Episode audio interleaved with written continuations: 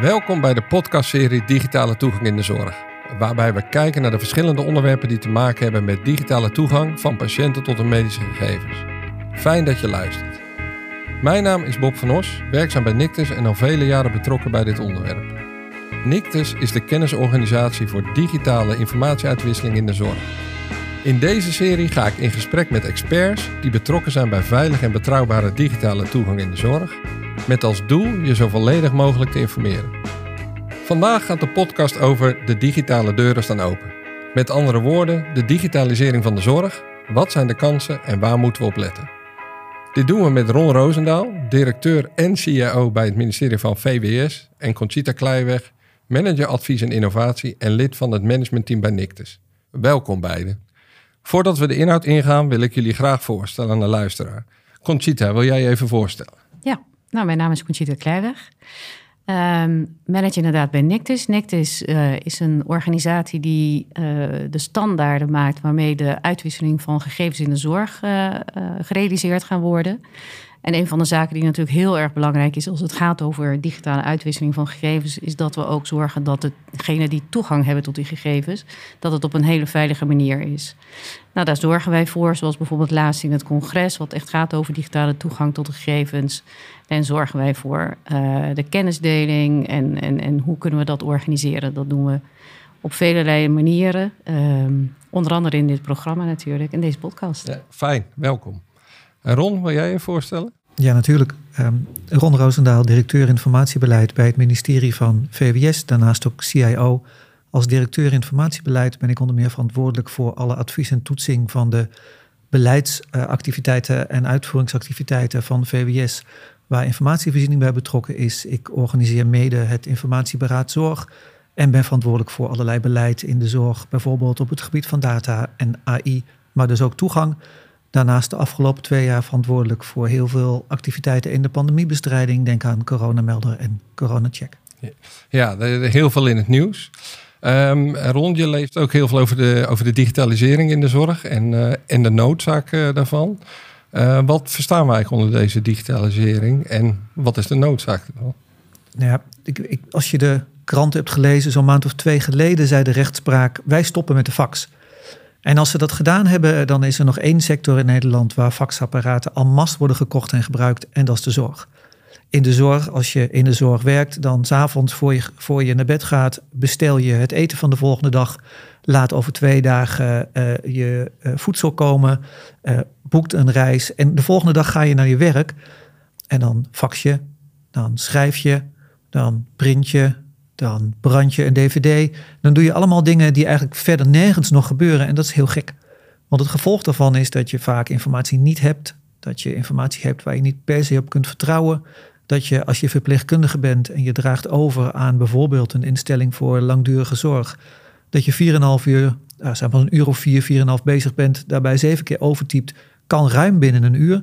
Kortom, dat we alle dingen die we gewoon zijn geraakt in ons gewone leven kwijtraken als je gaat werken in de zorg. Nou, digitalisering betekent dat waar je het nu op een klunzige manier doet, die andere sectoren al tien jaar niet meer doen, dat we dat ook in de zorg mogelijk moeten gaan maken. En zie je wel goede ont ontwikkelingen ont ontstaan binnen de zorg? Ik, je hoorde je net al over de pan pandemie. Dat brengt ook uh, ontwikkelingen met zich mee. Ja, kijk, ik overdrijf natuurlijk graag een beetje als het gaat om faxen. Ja. Tegelijkertijd, elk ziekenhuis fax nog 200.000 tot 250.000 keer per jaar. Dat is best een boel. Uh, en wat zegt de rechtspraak? We halen de fax eruit. Dan gaan we in ieder geval uh, alvast beginnen met veilig mailen. Dan ben je nog niet zover dat het automatisch in je EPD terechtkomt. Dat, dat je allerlei dingen helemaal goed geregeld hebt waar Nick dus zo goed in is. Maar dan heb je in ieder geval gezegd, we stoppen met dat papier. Nou, dat zie ik eigenlijk op heel veel plekken gebeuren. Er zijn heel veel initiatieven in de zorg van mensen die zeggen, uh, we pikken dat niet meer, zo doen we het niet meer. Um, dus op heel veel terreinen zie je, zie je mensen hele grote stappen maken, zowel in de pandemie als daarbuiten. Ja. Conchita, bij Nictus kijken jullie ook internationaal naar deze ontwikkelingen. Hoe doet Nederland het in vergelijking met andere landen? Ja, interessante vraag. Um, daar kijken we inderdaad ook uh, uh, naar. Vanuit uh, Nictus en VWS hebben we een team internationaal... wat nauwlettend samenwerkt binnen Europa met andere ministeries... en andere zusjes en broertjes van, van ons. Als je kijkt naar de andere landen, dan heeft iedereen wel dezelfde uitdagingen. Dus de, uh, de digitalisering is al best. Uh, Ron vertelt nu inderdaad over het faxen. Dat is de ene kant wel het verhaal. En de andere kant is natuurlijk best een hele hoop gedigitaliseerd in de zorg. Um, maar dat is heel erg intramuraal. En uh, als het gaat over gegevensuitwisseling, de zorg wordt niet alleen binnen één organisatie geleverd. Patiënten, cliënten, burgers gaan natuurlijk van de ene naar de andere zorgverlener. En je wil graag dat die informatie tussen de organisaties en zorgverleners uh, gedeeld wordt. En dat het ook met, met, met burgers, met cliënten, patiënten gedeeld wordt. Um, als je dan kijkt naar wat er in alle landen gebeurt, is dat iedereen aan het worstelen is van hoe ga ik dat nou tussen die organisaties uitwisselen. En um, andere landen zijn weer anders georganiseerd. Uh, Nederland is best decentraal georganiseerd. De, de, zorgorganisaties zijn over het algemeen geen publieke instanties. En, en het is niet zo dat VWS zegt we gaan met z'n allen naar links. En dat iedereen dan ook naar links gaat. Dat kan in andere landen wel heel anders zijn.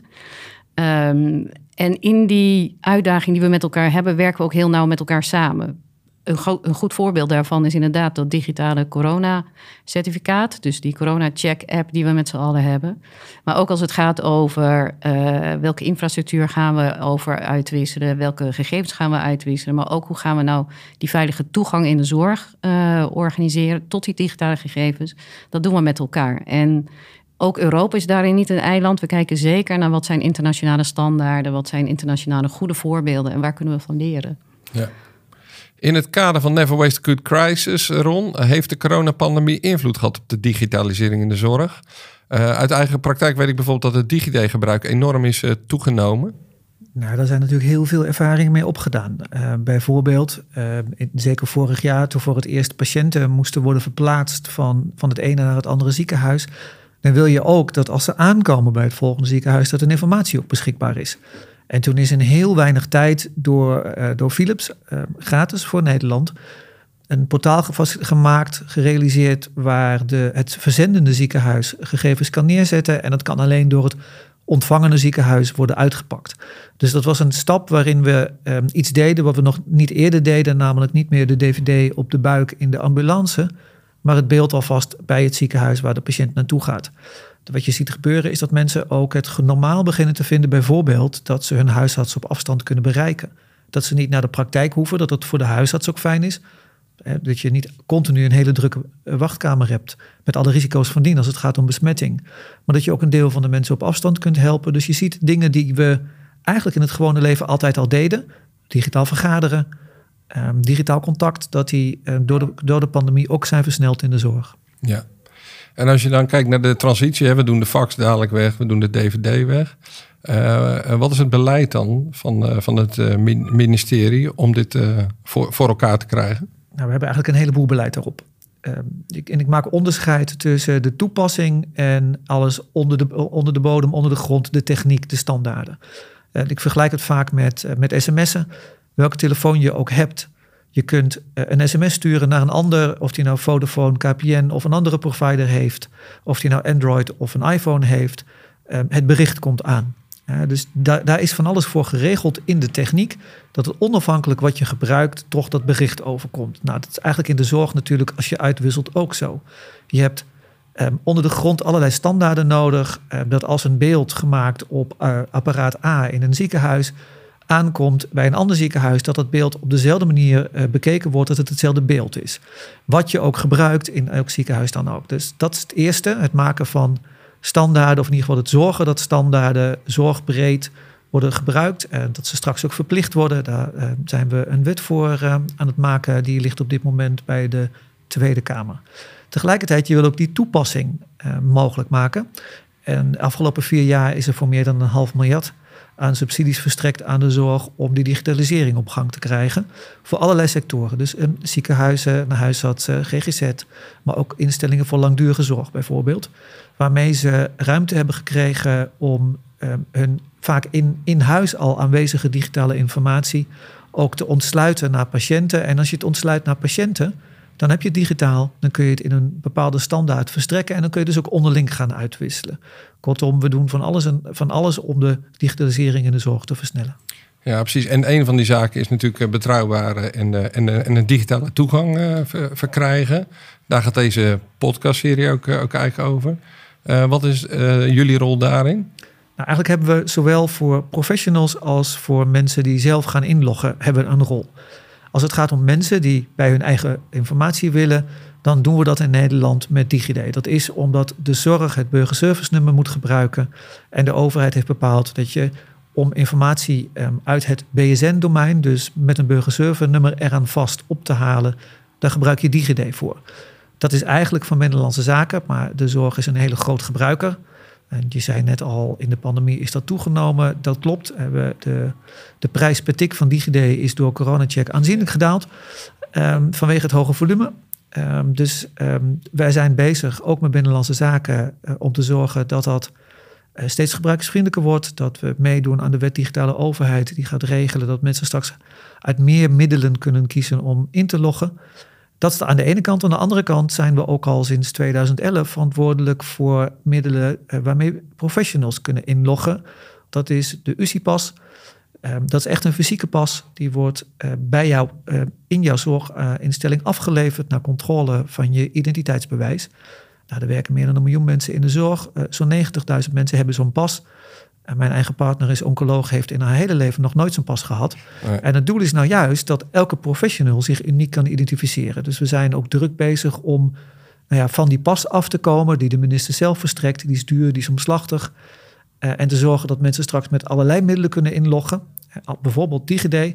En dat aan hun burgerservice nummer ook hun identiteit als zorgprofessional wordt gekoppeld. Zodat straks het ook makkelijker wordt in de zorg om als professional in te loggen. Ja, precies. Dus DigiD voor de burger. En we kijken in de toekomst of je dat ook als professional kan, uh, kan gaan gebruiken. Nou ja, dat je wel inlogt als natuurlijk persoon. Ja. Hè, want een, een zorgprofessional is, is niet een BV, is een mens.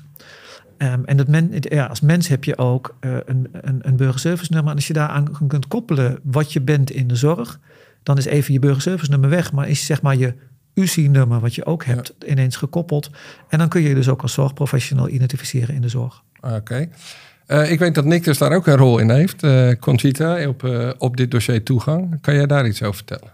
Ja, nou, als je kijkt naar uh, wat Ron net ook zei, dat vergt heel veel beleid over welke kant gaan we op, waar gaan we heen. Uh, daar zit, uh, nou ja, er werd net ook al gerefereerd aan wetgeving.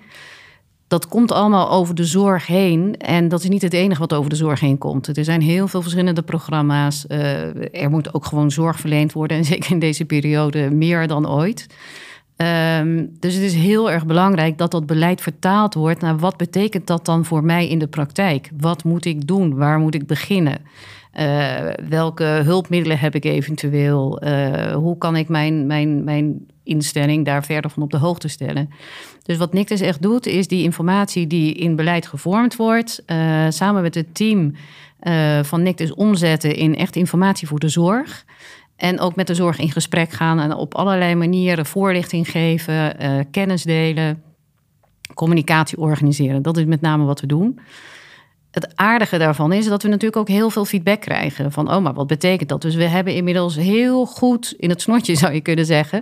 Van wat zijn nou de vragen die leven in de zorg? En, en waar lopen ze tegenaan? En wat voor een aanvullende hulpmiddelen hebben ze nodig? En dat kunnen we vervolgens weer terugvertalen naar beleid. Van goh, maar dit zijn nog echt wel vragen die spelen, daar moeten we iets mee. Dus het is echt een soort brugfunctie, vertaler, heel veel kennis delen.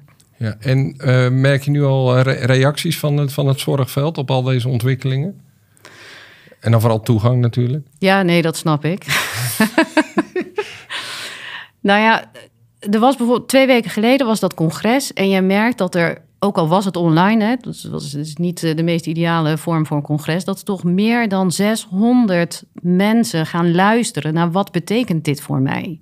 Dus het leeft, het is heel actueel, uh, moet ook wel, want ze moeten op een gegeven moment echt wel gaan voldoen aan uh, de regels die er zijn om dit te organiseren.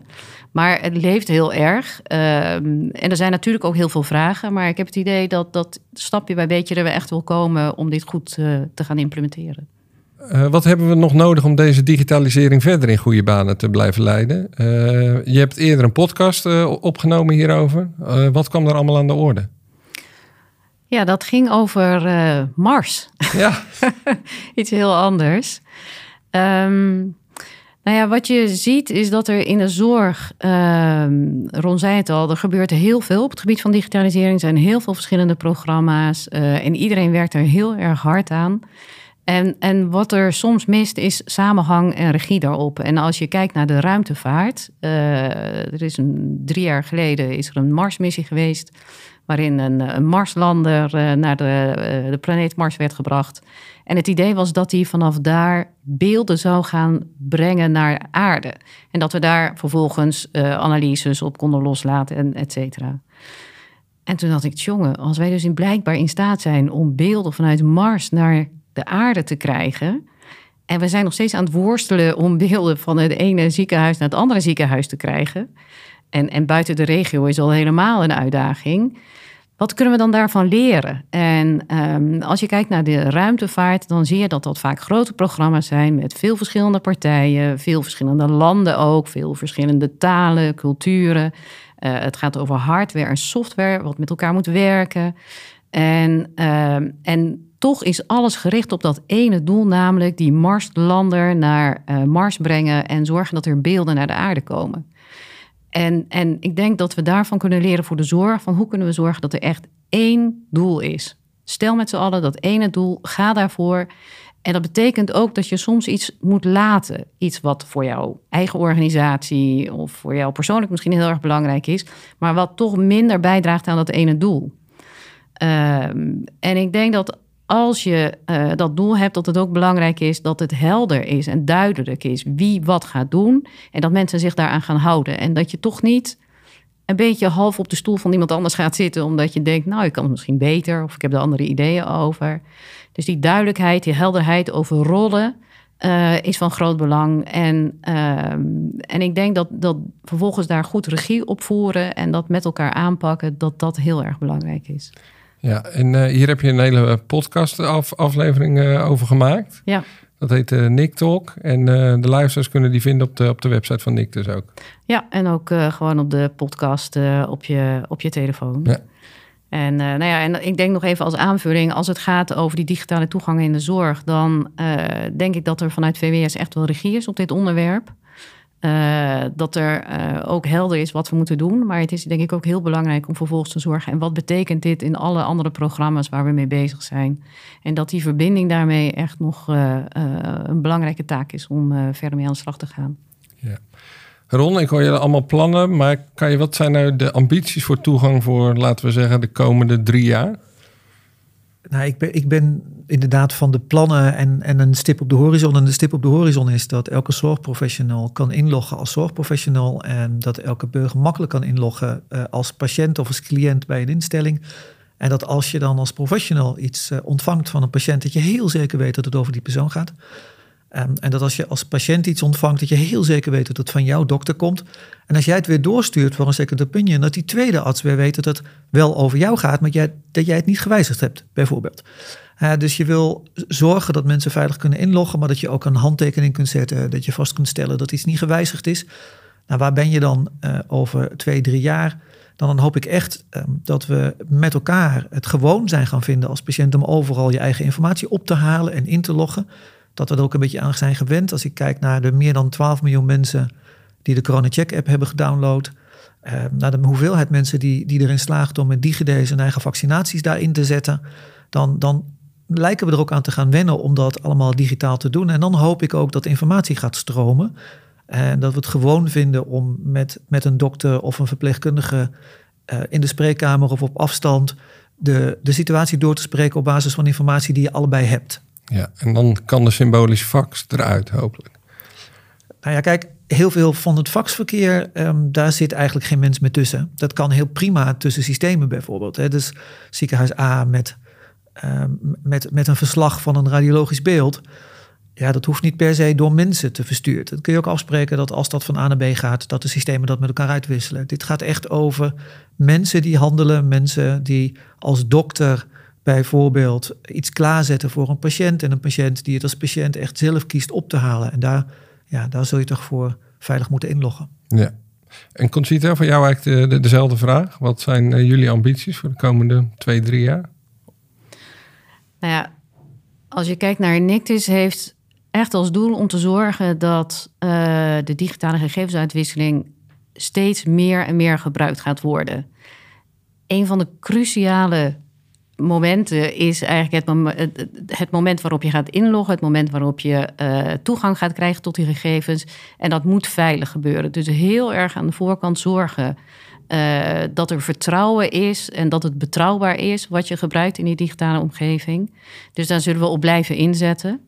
Uh, daarnaast natuurlijk zorgen dat alles wat rondom die gegevensuitwisseling zit, steeds beter vormgeven. Dus zorgen dat het uh, makkelijk gebruikt wordt. Zorgen dat er aan de voorkant registratie beter is. Dat de databeschikbaarheid omhoog gaat.